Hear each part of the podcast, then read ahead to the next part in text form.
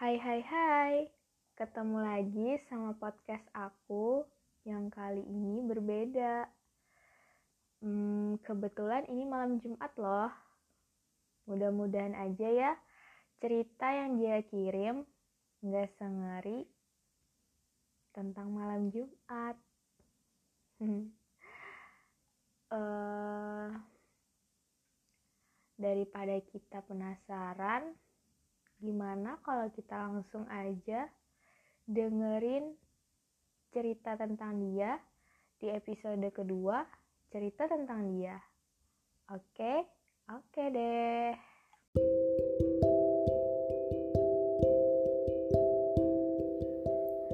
Asam manis stroberi membuatku tahu bahwa hidup tak sekedar manis dan pahit. Hai, Aku penyuka stroberi. Aku juga suka matahari. Tapi sayang, aku gak bisa seperti matahari. Terima kasih ya sudah mau dengar.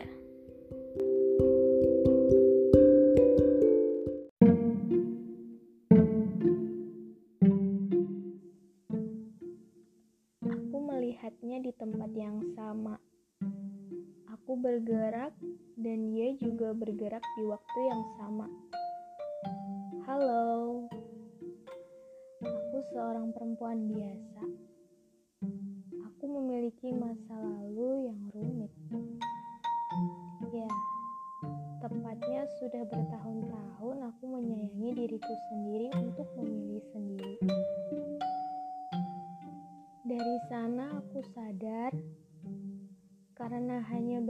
kepada Tuhan yang bisa membuatku bahagia. Hingga saat ini, aku dengan kekosongan ini dan memilih tetap sendiri dan selalu bahagia.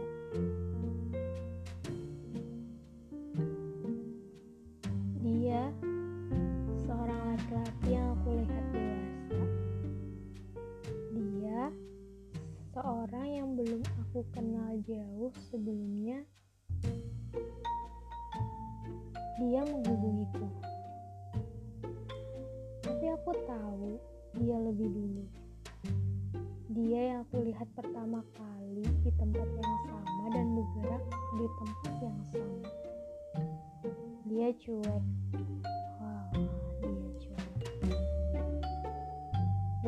aku saja tidak tahu apakah dia melihat aku atau tidak. Ketawanya mungkin seperti itu ya, kurang lebih.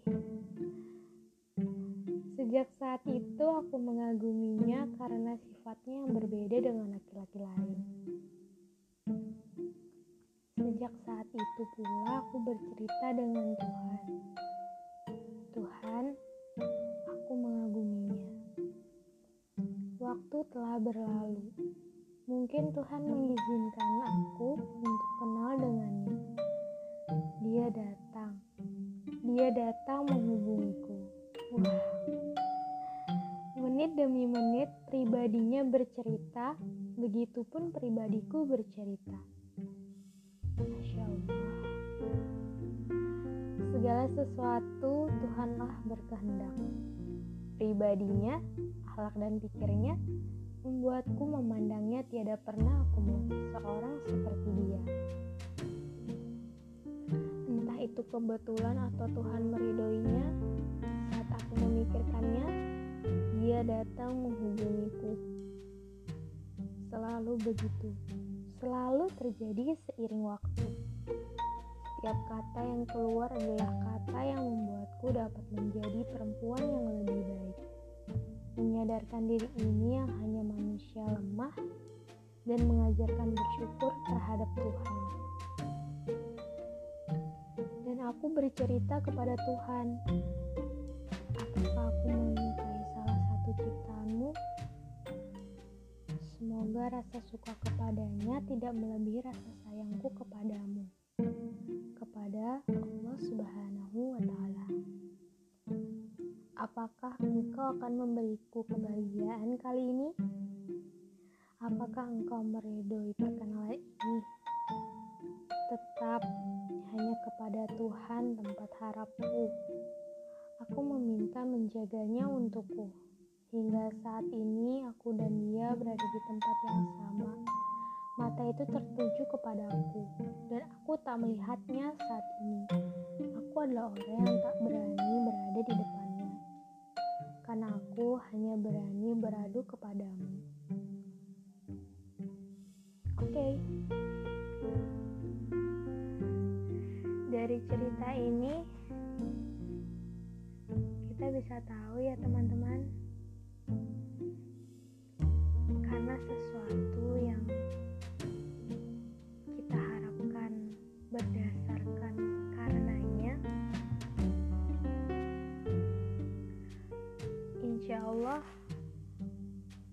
suatu saat akan dikabulkan jika itu memang yang terbaik. Semua orang berhak berusaha.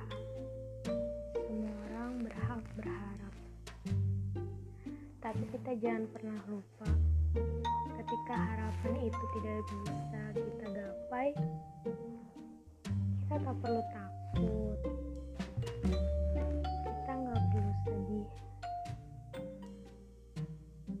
dan aku yakin harapan itu nggak akan bikin sakit kalau kita benar-benar berharap kepadanya.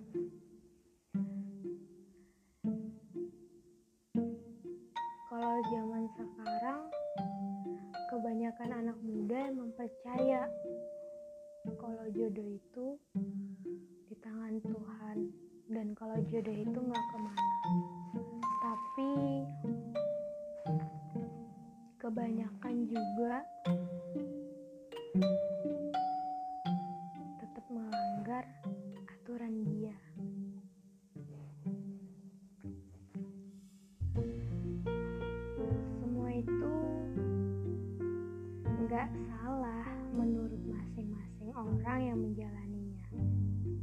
Tergantung kepercayaan kita masing-masing.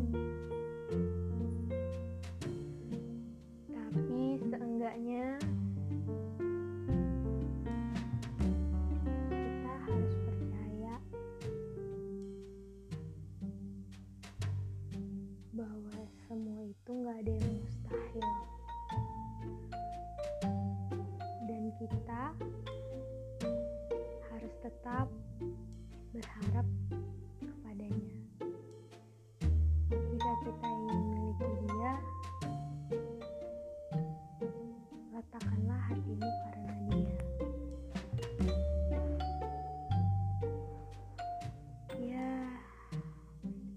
mungkin